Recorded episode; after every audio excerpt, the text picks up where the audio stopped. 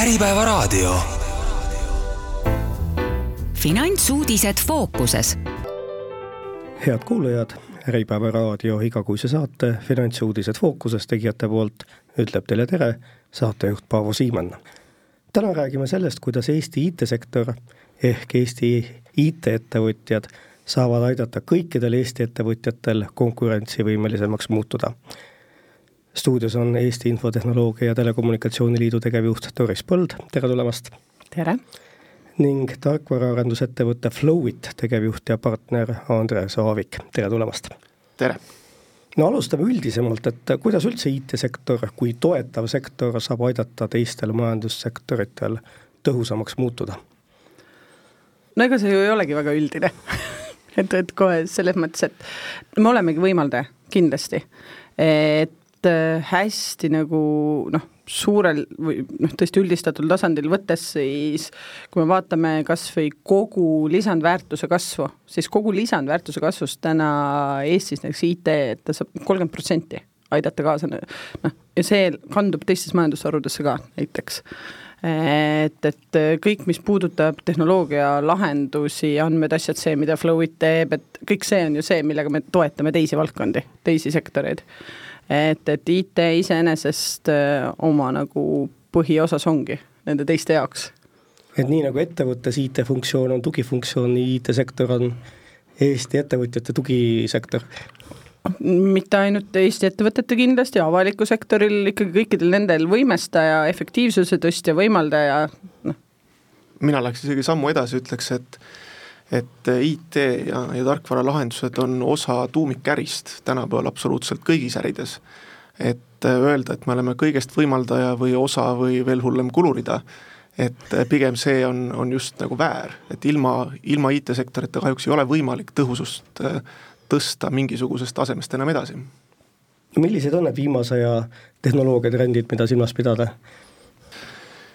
Eks äh, kõige rohkem on räägitud tehisintellektist, aga reaalsus on see, et äh, sellest ikkagi räägitakse äh, praktilises kasutuses väga-väga vähe.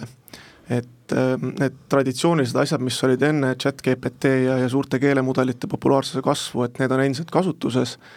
olgu see masinnägemine ja, ja nagu no paljud erinevad teised ai alamliigid aga jah, praktiliselt nagu liiga palju juurde pole tulnud ja just äh, enne sai ka arutatud, et et tegelikult eriti just Eestis on, on tehisintellekti kasutus ettevõtetes erakordselt madal, et me oleme äh, Eurostati andmetel hetkel kuskil kolme protsendi juures ja siis meil on siin mõned põhjamaised riigid, nagu näiteks Taani, kus need numbrid on üle kahekümne.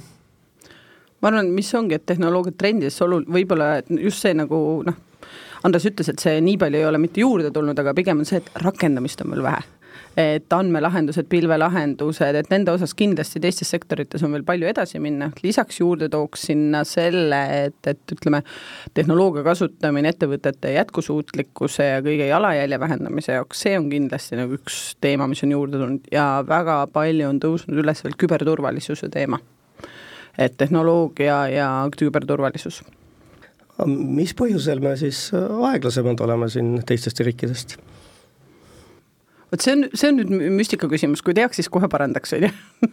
et, et see noh, võib-olla see, mis ennem Andres ütles korra, et, et noh, hoidku jumal sellest, et me öeldakse, et on kulurida, väga pikalt seda vist nii on vaadatud. et, et mitte see tuumikärina, et, et seda näha, on ju. et see võib olla see üks niisugune, teine on kindlasti oskuste teema et kas meil on piisavalt palju tehnoloogia rakendamisoskustega inimesi ja seda ka teistes majandusharudes? jaa, vot see ongi, et meil võib olla väga tugev IT-sektor Eestis ja väga võimekas, aga seda oskust äh, sisse, seda osta, seda kaasata oma ettevõtte praktilisse nagu käitamisse, et seda on tegelikult väga-väga vähe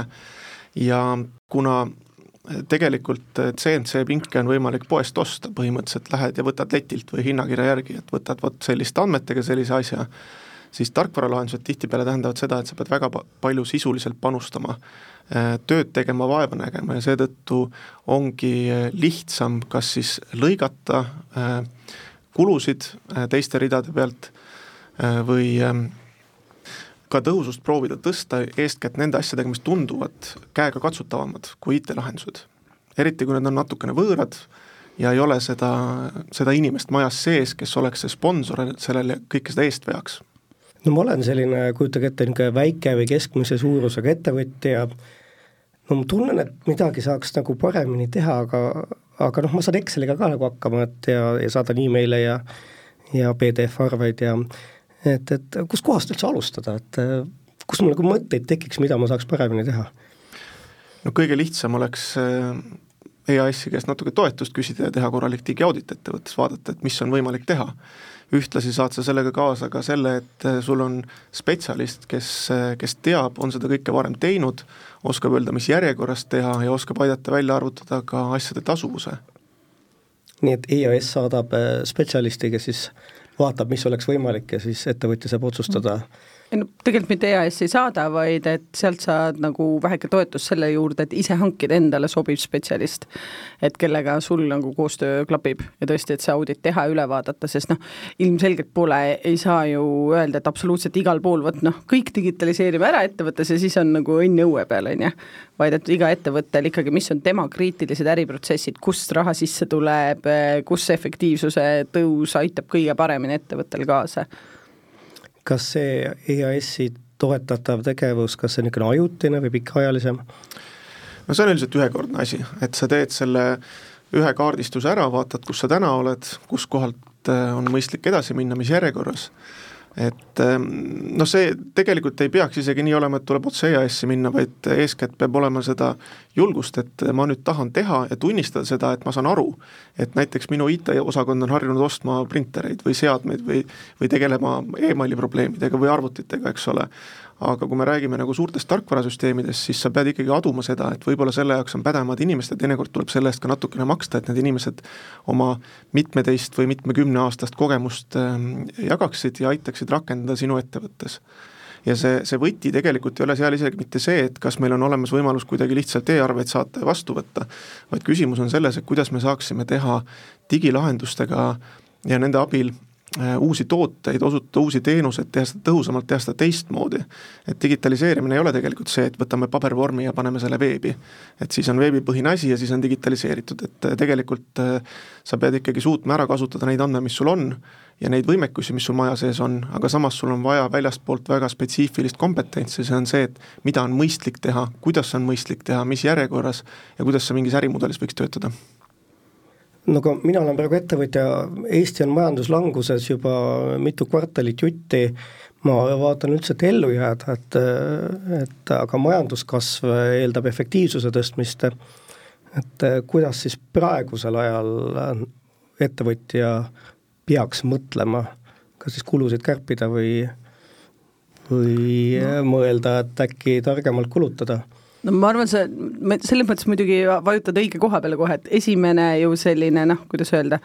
tung on kohe, et, et siis järelikult nüüd kõik kinni panna, on ju, pidurdada, mitte investeerida, mitte enam nagu noh, selliste arendamistega tegeleda. Ja seda me tegelikult natuke näeme, et toimub äh, ka, noh et kui me oma ettevõtjatega räägime nii, aga noh, et tegelikkus on jälle see, see koht, et, et aga kus uus kasv siis tuleb et kas, kui me teeme asju see, niimoodi edasi, nagu me seni oleme teinud, et kas sealt nüüd see lisandväärtuse tõus ja uus kasv tuleb.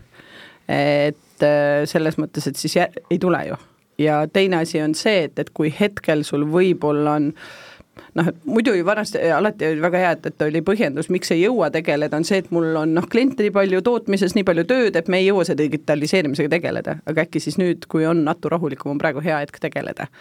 ja hakata endale selgeks tegema, just seda kodutööd ära tegema, et mis, kus on need kitsaskohad, kus ma saan võita midagi, kus on see, ma ei tea, viis protsenti, mida ära digitaliseerida, see annab sulle kakskümmend protsenti võidust ettevõttes, et neid analüüse, et seda ressurssi sinna praegu panustada, just et olla nagu ka paremal stardipositsioonil ja konkurentsivõimel see hetk, kui sa noh, kui majandus jälle kasvab. Kas siin võib paralleele tuua nagu investeerimismaailmaga, et öeldakse, et parimad tehingud tehakse halvimatel aegadel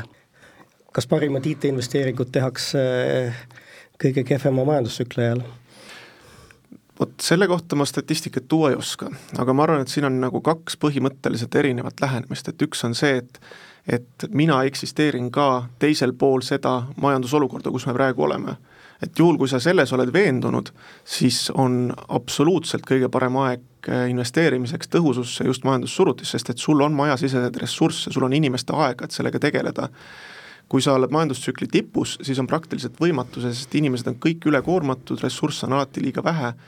et ja see ainus asi, mida sa tegelikult saad juurde, on raha. Olgu see siis investorid, olgu see pank, olgu see öö, olemasolevad osanikud, et raha tegelikult on see, mida sa nagu saad juurde ka siis, kui sul on, on rasked ajad, kui sul on väga selge plaan selleks, mis sa teha tahad teisel pool seda majandussurutist.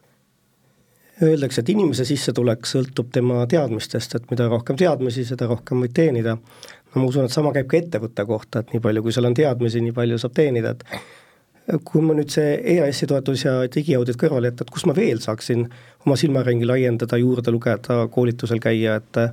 kõikide nende võimalustega kursis olla, millega ma võiksin kursis olla IKT-sektori poolt? selles mõttes on positiivne, et viimasel ajal järjest rohkem räägitakse nagu IT kasutamisest Äh, erinevatest sektoritest ja tuuakse neid positiivseid näiteid ja noh, et äh, a la Tark Tööstusleht on olemas, näiteks Aire ai ja robootikakeskus Eestil on olemas, et mis nagu toetab neid noh, EAS-i lehel on erinevaid koolitusi, tehakse pidevalt, ma arvan, Äripäeval endalgi on digitaliseerimise koolitusi, on vastavad konve-, konverentsid olemas. Äh,, meie erialaliiduna oleme ka enda kodulehele koondanud nii-öelda usaldusväärsed IT-partnerid, partnerid, kes on noh, et kui ei tea, kust pihta hakata või kellega, et me teame, et nendel on tööstuse digitaliseerimisalane kogemus näiteks. või et eh, ERB-i juurutamisalase kogemusega ettevõtted ja et nemad on teinud vot sellise juhendmaterjali, et noh, et et või küberturvalisuse valdkonna ettevõtted koondanud teiste ettevõtete jaoks välja, et, et noh, et kui ei tea, kust alustada, et siis noh, et need on need partnerid, kes me teame teatud standardi, standardile vastavad või noh, töötavad selle alusel no üldiselt kõik ettevõtted, kes sektoris teenust pakuvad, nad ikkagi on nõus sinuga nagu läbi rääkima ja ja, ja sind harima, et see on osa nagu sellest, sellest protsessist.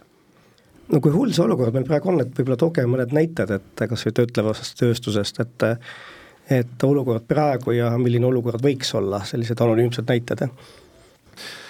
No tööstuses on olukord ikkagi võrdlemisi halb, et see langus on olnud äh, pikaajaline juba tänaseks, et vähemalt äh, aasta aega väga-väga raskeid olusid, mis tähendab seda, et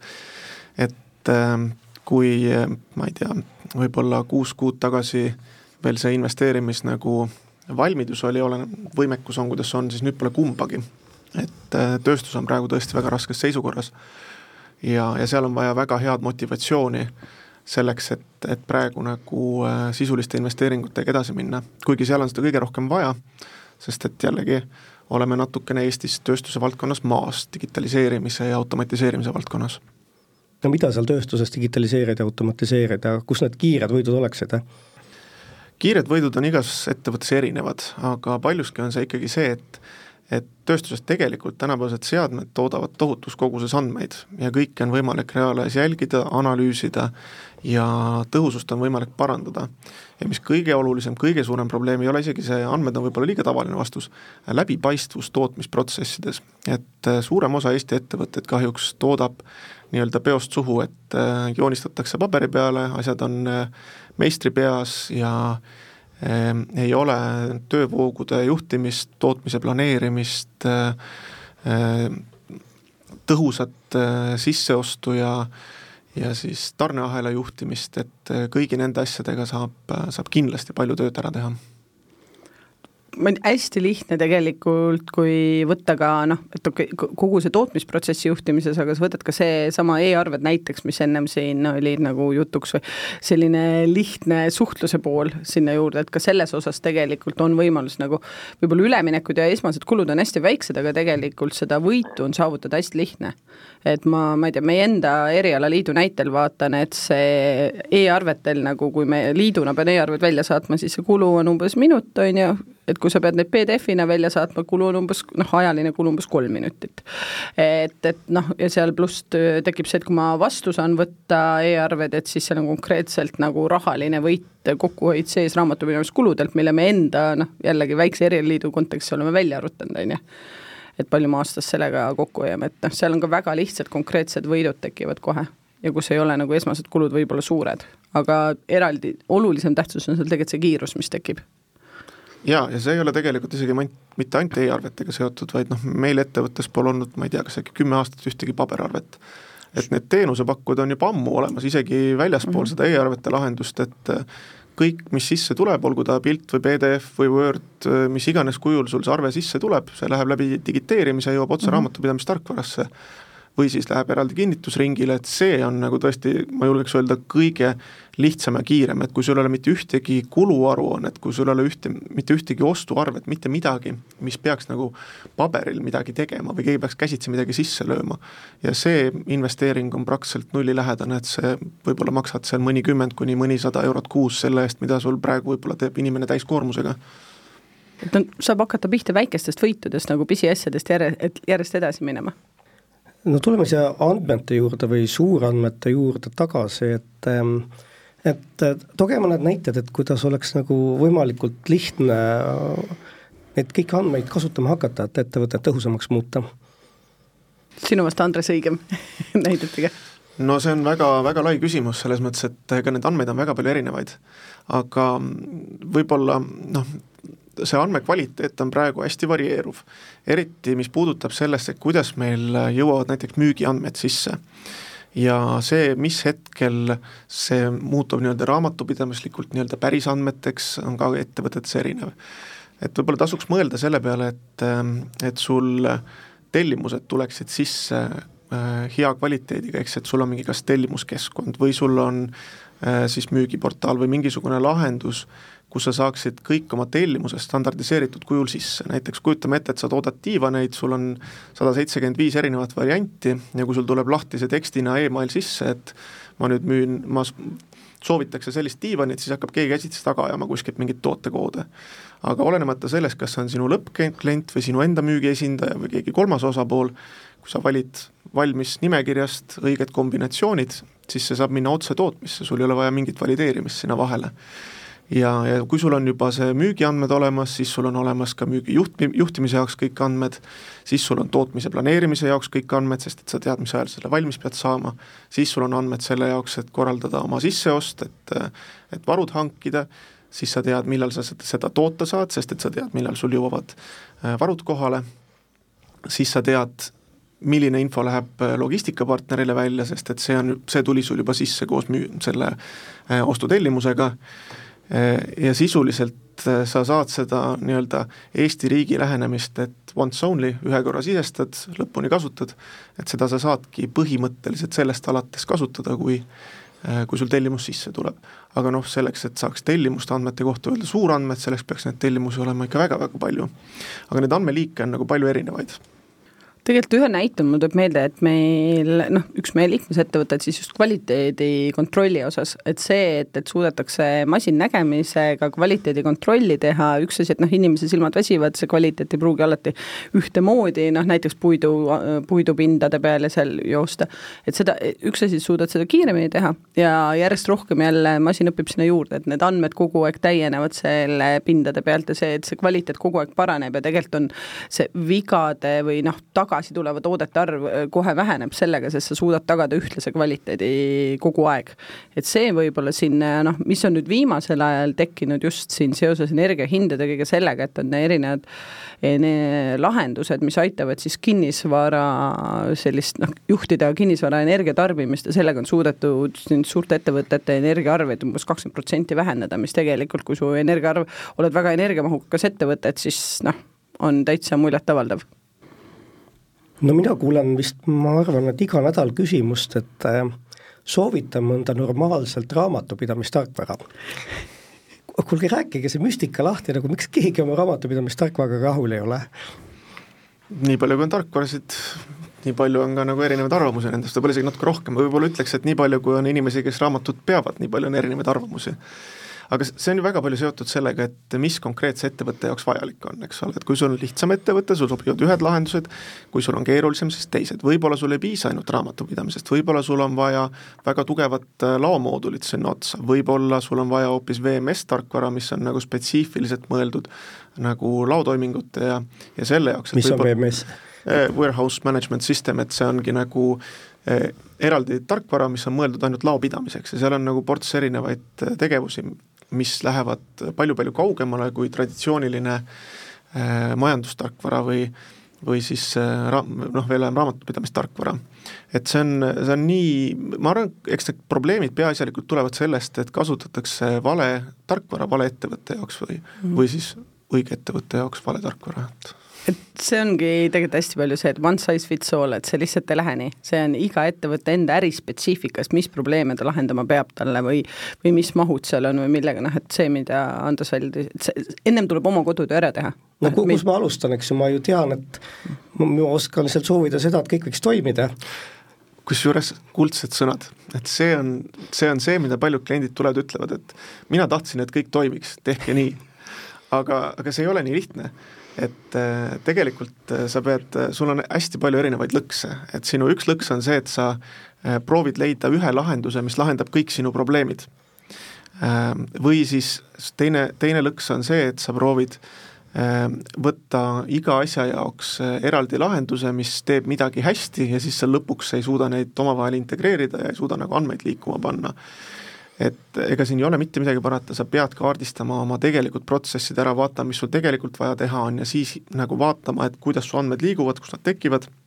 mida sul vaja millised su protsessid on, ja siis sa saad valida need tarkvarad. ja sa pead neid ikkagi vaatama kui nagu tervikut. sest et äh, sa ei saa ju vaadata niimoodi, et noh, et ma hästi hoolega valin majale aknaid, aga nagu noh, uksed, need on tühja nendest no ka, kas on kuskil mingisugune, ma ei tea, küsimustik või mingi otsuse puu, mis muudkui minu käest küsib, mina vastan jah ja ei ja siis lõpus öeldakse, sulle sobivad need tarkvarad? raamatupidamistarkvara osas ma nüüd ei tea. me liidus siis nüüd majandustarkvara noh, pakkuvate ettevõtetega hiljuti panime just kokku sellise ERP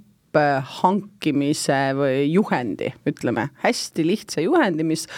just sellise check-list'ina võiks toimida et mis on need küsimused enne, kui sa lähed hankima või et mida selle partneri käest küsida või, või et mis on see kodutöö, mis sa pead olema ennem ära teinud. täpselt see, et sa pead olema ennem ära kaardistanud nagu, mis su tänane seis on, mis sul need protsessid on, et noh, mis see eesmärk on, mida sa tahad, et see lahendaks, et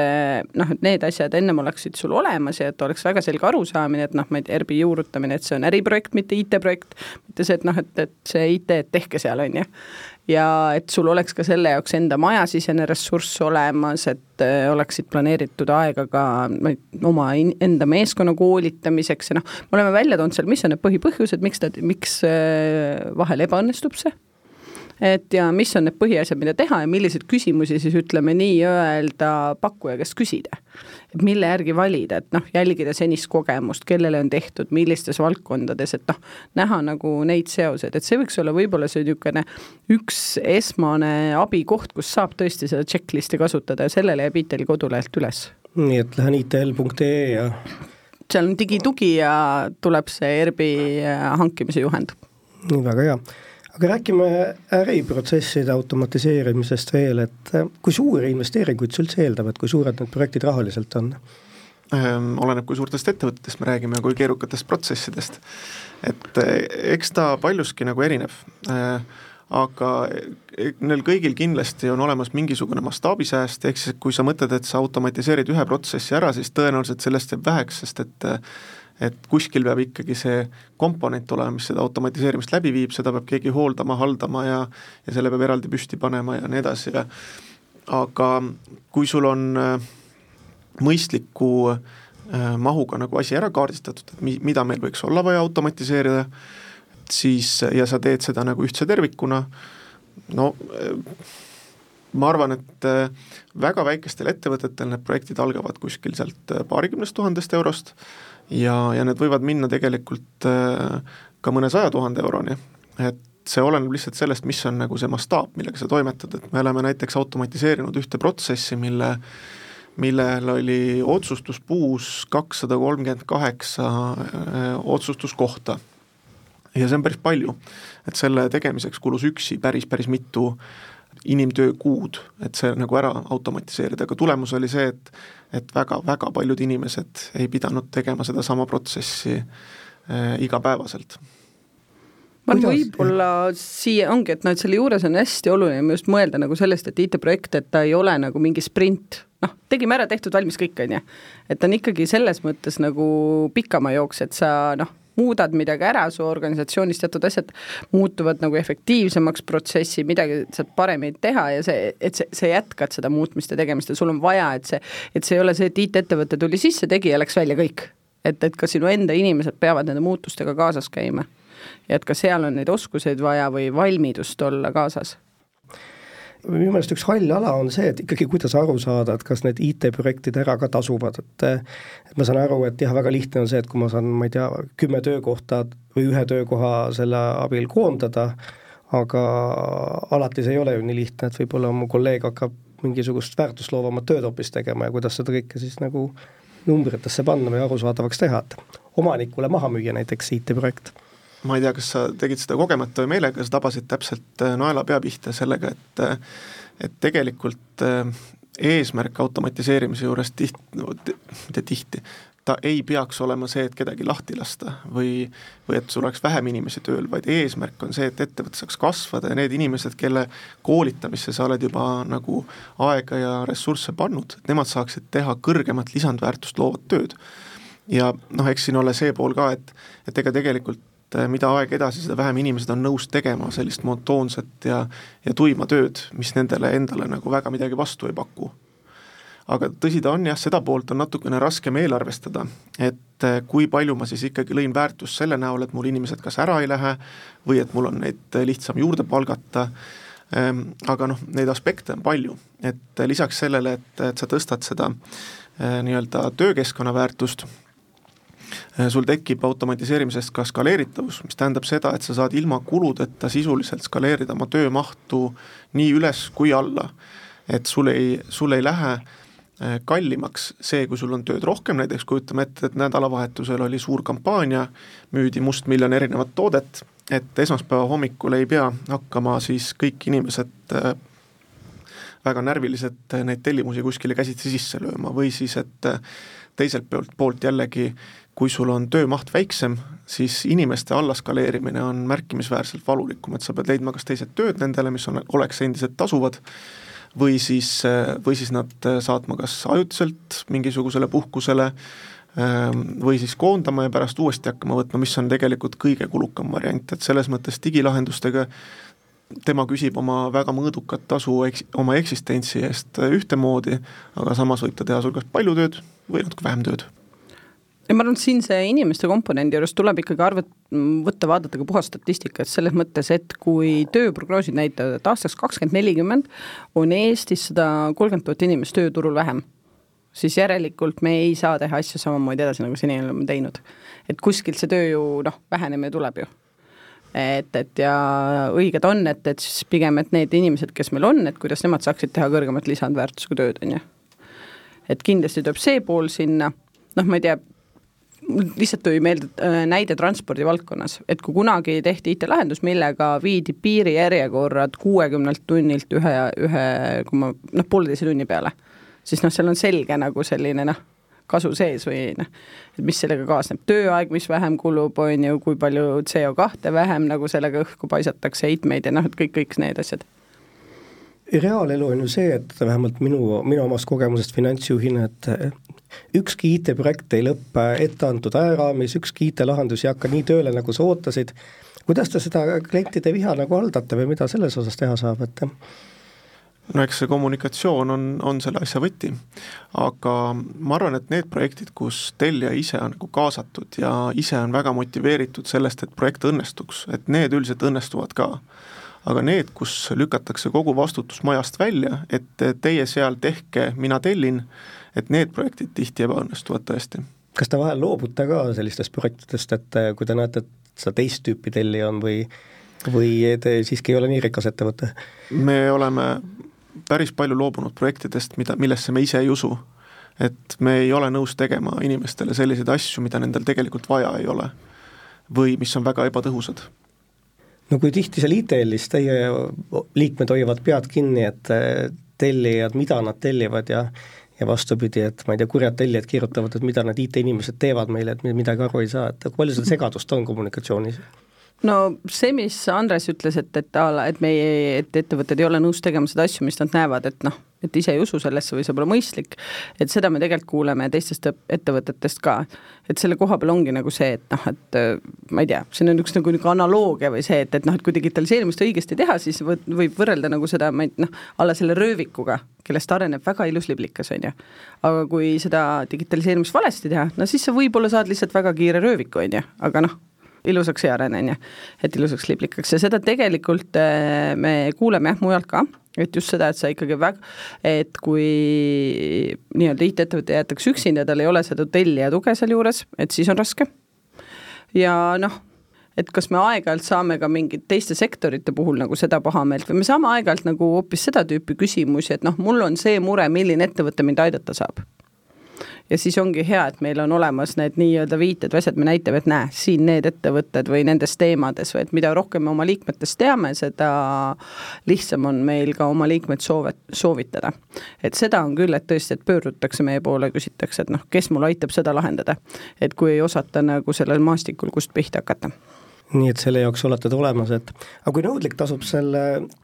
tarkvaraarendaja osas olla, et ta ikkagi pakuks sellist lahendust, mis veel kolme aasta pärast ka nagu adekvaatne on, mitte et kolm kuud ja, ja siis tuleb järgmine, ütleb, et mis jama te olete siin kokku keeranud, et niimoodi keegi ei tee seda enam no eks sellest tegelikult tuleb ka ise alustada, et äh, sa mitte ei osta ainult sellist ühekordset asja, vaid sa ostad asja, mida sul on vaja pärast opereerida. kuidas seda opereerida ja vähe sellest, sa pead seda hoidma ka ajakohasena nii turvalisuse seisukohast kui ka siis äh, lõppkasutajate ja omaenese muutuvate äriprotsesside seisukohast. ehk siis, et tegelikult sa pead arvestama sellega, et et sul oleks mingisugune reserv kas või vajadusel ähm, näiteks kakskümmend protsenti soetusmaksumusest pärast iga aasta juurde panna selleks, et et minnagi nagu uute ärimudelite, uute teenuste, paremate teenuste, suurema tõhususe teed. et see kindlasti ei oleks selline ühekordne, ühekordne väljaminek Äh, sest et see hakkab äh, kolme aasta pärast tõesti takistama sinu äri, sest et tänapäeval ärid muutuvad väga, väga kiiresti. aga, aga IT-ettevõtjana sulle, Andres, nagu sa pigem eelistad müüa mingit standardlahendust või hoopis eelistad rätseplahendusi, et siis klient nagu endaga pikalt ära siduda? me ikkagi standardlahendusi ei müü, et litsentse me riiulist ei võta, et selle jaoks on teised ettevõtted, meie tegelemegi ainult rätsepa lahendustega ja me oleme ka üritanud neid lahendusi niimoodi teha, et me nagu igavesti nende asjade küljes kinni ikkagi oleks, et meid oleks võimalik välja vahetada. et me kasutame võrdlemisi standardseid tehnoloogiaid ja lahendusi, mida on võimalik üle anda. et olen kuulnud praktikatest, kus ettevõtted äh, seovad siis kliendid enda külge kinni, kasutades mingisuguseid intellektuaalomandi trikke, mingeid erinevaid komponente, mida siis välisosapooled ei tohi muuta, aga meiega seda ei ole, et kõik on vaba vara, kõik on äh, standardne ja, ja üldlevinud äh, lahendused. kas IKT-sektoris on mingid äritavad ka, millest nagu kinni peetakse, seesama, et kui palju siis see klient ära siduda või mitte siduda või vot seal ma arvan, on hästi erinevad ärimudelid ja tõesti täpselt ettevõtte suurust, olenevalt sellest, et kas on äh, just nagu niisugune noh, tooteettevõte või toote müüb nagu konkreetset lahendust või on ta siis ikkagi nagu ettevõtte soovidest lähtuv rätseplahenduste tegija, et seal on väga erinevad lahendused, ei saa niimoodi öelda, et konkreetselt. Mis meie oleme viimasel ajal vaadanud või taga ajame enda ettevõtete puhul, on see, et, et turvalisus et, et mis iganes lahendusi tehakse, et, et räägitaks kliendiga ka tarkvara turvalisusest. ja, ja selle tur-, just selle turvataseme tagamisest ja just see, et, et me ikkagi teeme juba ainult sellist tarkvara, mis on turvaline. aga võtamegi nüüd teemade kaupa, et lähme selle küberturvalisuse juurde, et no mina kui mitte küberturvalisuse teemaga kursis olev inimene, kuidas ma saan tagada siis, et eh, IT-koostööpartner pakub mulle turvalist teenust, et mul ühel hommikul ei ole seal ekraani peal mingisugune rahaline nõue või andmed kadunud või? no võib-olla esimene asi, no üks asi on see, et vali partnerit kindlasti no meil on näiteks eh, jällegi IT-lehed leiab, on eh, tarkvara turvalisuse arend-, turvalise arendamise hea tava ja sellega, seal on näha kõik ettevõtted, kes on sellega liitunud, kes annavad nagu lubaduse, et nemad ka vastutavad selle eest, et see, mis nemad teevad, on turvaline, on üks asi, aga teine asi, et kogu vastutust ei saa anda IT-ettevõtte juurde, et, et ikka väga palju sõltub ka selle te tehnoloogia kasutajast, et see, kes siin nüüd siis klaviatuuri ja tooli vahel on, et äh, ikkagi oma inimeste pidev harimine kindlasti on äh, väga oluline. et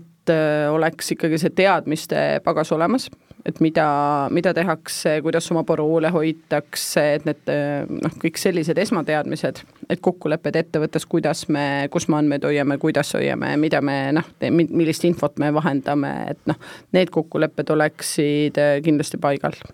et see on hästi oluline jah, et äh, võib-olla samm üks on see, et äh, juhul, kui sul ei ole partneril seda võimekust sees, siis sa võtad eraldi ettevõtte, kes tegeleb sellega, hoolitseb selle eest, teeb eraldi testid. Eh, ka meie näiteks kasutame ühte Rootsi ettevõtet, mis teeb ära turvatestid kõigil meie tarkvaradel enne suuremaid reliise või siis nagu, kui nad uued on ja ja siis alguses, aga siin on nagu üks oluline faktor, et sa ei saa teha turvatesti ainult sel hetkel, kui mingisugune asi saab valmis vaid äh, probleem on nimelt selles, et äh, inimesed iga päev elukutseliselt otsivad tarkvarades auke ja nad ei otsi mitte nendes tarkvarades auke, mida meie siin näiteks Eestis Flowitis oleme loonud, vaid nad otsivad nendes alusteekides, nendes alustarkvarades, mida meie kasutame, sest et me ei saa kõiki maailma asju korraga ise valmis teha, me kasutame mingeid lahendusi. ja nad otsivad nendes lahendustes auke. ja kujutame nüüd ette, et kuus kuud pärast tarkvara väljalaset leitakse üks selline auk üles, see on kriitiline, aga see omakorda tähendab seda, et sa pead hoidma oma rakendust ajakohasena, et tõenäoliselt selle alusteegi nii-öelda arendaja parandab selle vea ära, paneb selle paranduse ka üles mingisuguse aja jooksul, aga sina, kui selle tarkvara omanik, pead olema korraldanud selle, et see jõuaks ka sinu rakendusse. ja nüüd teinekord see tähendab seda, et sa pead mõningad osad ümber kirjutama, sest et need versioonid ei klapi omavahel.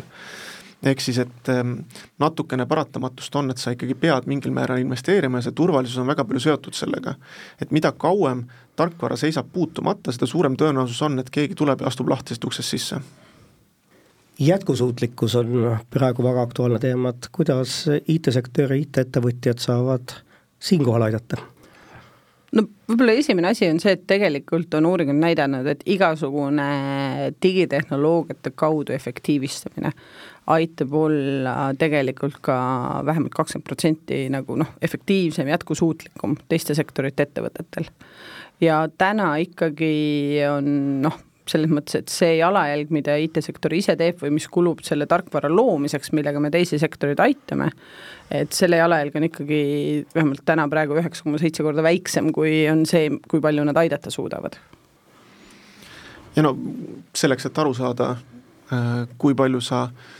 teha suudad, on sul kõigepealt vaja mõõta seda, mis, kus sa täna oled ja nii edasi ja noh, jällegi IT-sektor on nagu see ainuke sektor, mis suudab aidata seda tõhusamalt teha, et sa ei pea käsitsi kuskil numbrit taga ajama, et äh, olgu see siis CO2 heitmete väljaarvutamine saadetise kohaletoimetamisel või olgu see äh, kas või äh, kadakapuust võinoa valmistamise juures, et et tehniliselt me saame panustada ka sellesse, et sul oleks võimalik mõõta, seada eesmärgid ja siis tõhustamise abil tõmmata need maha. Võib-olla ütlen juurde, et siin noh, muidugi me anname aru endale, et, et seal on kaks poolt, et ühelt poolt äh, see, kui palju meie sektorina aitame olla teistel efektiivsemad, jätkusuutlikumad, teine osa, me peame järjest rohkem ikkagi ka sektorisse sees vaatama seda, et, et mis on meie enda jalajälg ja mida me saame teha pidevalt, et, et ka me ise oleksime nii-öelda siis äh, rohelisemad. Et kuidas me koodi kirjutame või kus me oma andmeid hoiame ja noh, kõik, kõik sellised asjad, et see on ikka noh, mõlemas suunas, et meie, meie poole ootused, ma arvan, et on kahel, noh, kahtepidi jah, teenusettevõtetel on see asi Eestis lahendatud, äh, Flowit oli ka natukene osaline selles, et äh, me, ka meil endal on äh, ilusti GHG emissioonid, skoobid üks, kaks, kolm, kõik on ilusti välja arvutatud ja ja oleme ka nagu siis sisuliselt tegelenud sellega, et kuidas pakkuda teenust madalama, väiksema jalajäljega. No mis mõju te tehisajul IKT-sektorile näete, et kas siin osad räägivad, et tarkvaraarendajaid polegi enam varsti nii palju vaja, et chat-GPT oskab ka koodi kirjutada ja ja mis mõju sellel üldse on? eks ta teeb natukene lihtsamaks arendaja tööd, et äh, see on juba ammu tuntud tõde, et äh, tarkvaraarendaja kirjutab koodi kakskümmend protsenti heal juhul oma, oma tööajast, ülejäänud ta otsib lahendusi, vaatab olemasolevaid ja ja kopeerib ja pasteerib aga see, see oluline võti seal vahel on see, et tarkvaraarendaja on see, kes ütleb, et vot see on mõistlik lahendus, niimoodi tuleb teha, niimoodi me hoiame ühtset joont ja üldiselt ikkagi äh, masin kirjutab võrdlemisi koledat koodi, mida on praktiliselt võimatu äh, hallata, kui sa vaatad nagu suuremaid, suuremat pilti. et väiksed tükid teeb valmis praegu suurepärane abivahend, äh, assistent jah, aga nii-öelda planeerija, väljamõtleja kindlasti mitte, mitte niipea samamoodi on, ma arvan, paljudes teistes valdkondades täna sama, et kui vaadata, ma ei tea, turundusvaldkonna või seal, et täpselt, et ta saab aidata ju tekstides, asjades kaasa, aga seda inimkomponenti siin on ikka juurde vaja. palju te saate klientidelt selliseid soove, et aidake mul tehisaju strateegia paika panna, mis te siis teete, et? Mm, klientidelt seda ei olegi tulnud, et äh, küll e-taili raames on, on, äh, on aidatud siis riigil seda teha, aga äh, Äh, kliendid pigem nad on huvitatud, aga see reaalsus on see, et tegelikult on, on see suhteliselt riskantne valdkond veel praegu ja, ja eeskätt et rakendatav, noh, kõik need uued lahendused rakendatavad pigem nagu turunduse ja sisuloome ja selle poole peal ja, ja pigem nagu selline assisteeriv roll, aga et nagu sisuliselt mingisuguseid suuri asju teha, et seal rohkem see taandub ikkagi selliste loogikaülesannete ja optimeerimiste ja ja nende poole. aga selles mõttes, et kes veel paremini oskaks panna tehisaju strateegiat paika, kui need, kes on käinud suurema osa sellest puust läbi, mis nagu tehisintellekti võimekus on, et et selleks paratamatult sa pead olema mingeid tooteid arendanud ja, ja lahendusi loonud selles valdkonnas ma arvan, et see, et, et hakkaks võib-olla rohkem klientide poolt tulema, on ikkagi seesama asi, et kui me alustasime vestlust selle koha pealt, et eh, kuidas meil nagu majanduse digitaliseerimisega lood on, on ju. et ennem on ikkagi teatud protsessis, protsessid ettevõtetes vaja ära teha ja teatud eh, noh, eh, digitaliseerimised ära teha selleks, et sa hakkaksid juba vaatama seda, et nii, et mis ma nüüd seal siis nüüd alla tehisajuga teha saan veel juurde või kus seal veel nagu noh, mi-, millised tarkused on, kellasid, vilesid juurde panna nii-öelda. et mõnele kliendile tuleks öelda, et vara veel, et teeme ennem tehisajueelsed tegevused ära? peaaegu et kõigile, et seal on selline püramiid on all, et noh, andmekvaliteet ja baasautomatiseerimised ja siis detailne andmeanalüüs ja kõik need on nagu see alus selleks, et sa ei saa lihtsalt hakata äh, tehisintellekti kasutama millegi jaoks, et sa, kui sa annad mm -hmm. talle natukene valeaimduse sellest, mis tegelikkus võiks olla või andmed on ebatäielikud, siis see, mis sa sealt saad, on pudru no tuleme siin saate lõpupoole sellisele riigi tasemele ka, et äh, kas me ikka oleme siis niisugune e-Eesti või tiigrihüpperiik või, või, või, või, või enam ei ole või mis loom me oleme, et mina ei saa teisiti, mina pean kohe kaitsma, ütleb, et oleme küll. nagu selles mõttes, et äh, jah, me kuuleme ju noh, palju avaliku sektori selle suuna peal äh, noh, kriitikat ja noh, palju sellest ka õigustatud, on ju, aga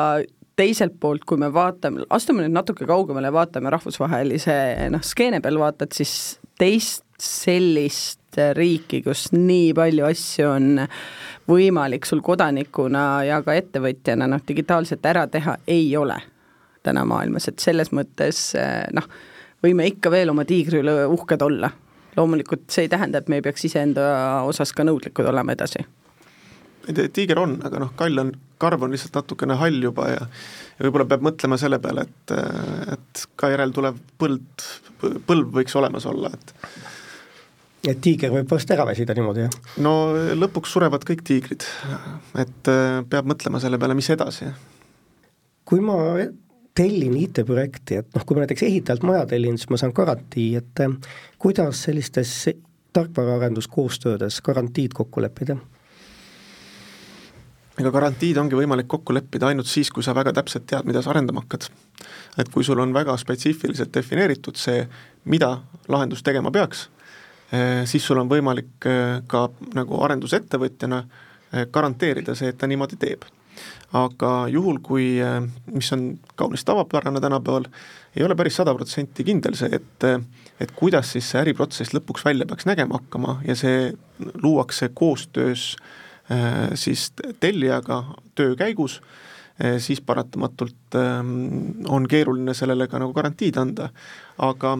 reeglina see jaotub siis see vastutus nagu kahe poole vahel. sest noh, tellija arvab ikkagi, et on garantiitöö ja tarkvaraettevõtja arvab, et äh, tellija ei saa asjast aru, kuidas siis lahendate? eks see tuleb lihtsalt läbi harutada, et mis on mis ja ja mis oleks mõistuspärased eeldused kummalegi osapoolele, mis olid välised tegurid ja, ja selles mõttes, et see on selline suhteliselt ratsionaalne kõik, et see on selline igapäevane, igapäevane töö osa, et et kõik need äh, haldustööd käivadki läbi filtri, okei okay,, see on garantii, see läheb garantiitöösse, see on haldustöö, see läheb sinna. et see on kaunis tavapärane osa võib-olla keerukamate projektide puhul äh, siin on ka see, et, et just, et seda algne mõistmine, vaata et see, et, et üleüldse see, et sa pead teadma, mida sa tellid, et see algne mõistmine oleks ühesugune paigas, siis äh, ma tean, et meil osad ettevõtted on hakanud järjest rohkem rakendama sellist nagu prototüüpimist. Et teeme alguses koos, äh, paneme esimesed kaks nädalat sellele, et teeme prototüübi valmis. Et kus juba saab nagu noh, näidata ja saadki tellijaga läbi, et kas see on see, mis sa mõtlesid et oleks nagu juba arendusprotsessis seda sellist möödarääkimist võib-olla vähem või oleks hiljem võimalik lihtsam ja kiiremini edasi liikuda. ja lõpetuseks, kahe tuhande kahekümne neljas aasta hakkab varsti uksele koputama, et eh, mida ITL kahekümne neljandalt aastalt ootab? no kindlasti eh, ootame ikka jätkuvalt koostööd, nii erasektor ja IT-sektor ja teised sektorid ja kindlasti avaliku sektoriga koostööd et, et ega siin nagu muud, muidu ei saa, kui avatud partnerlust on vaja äh, tehnoloogia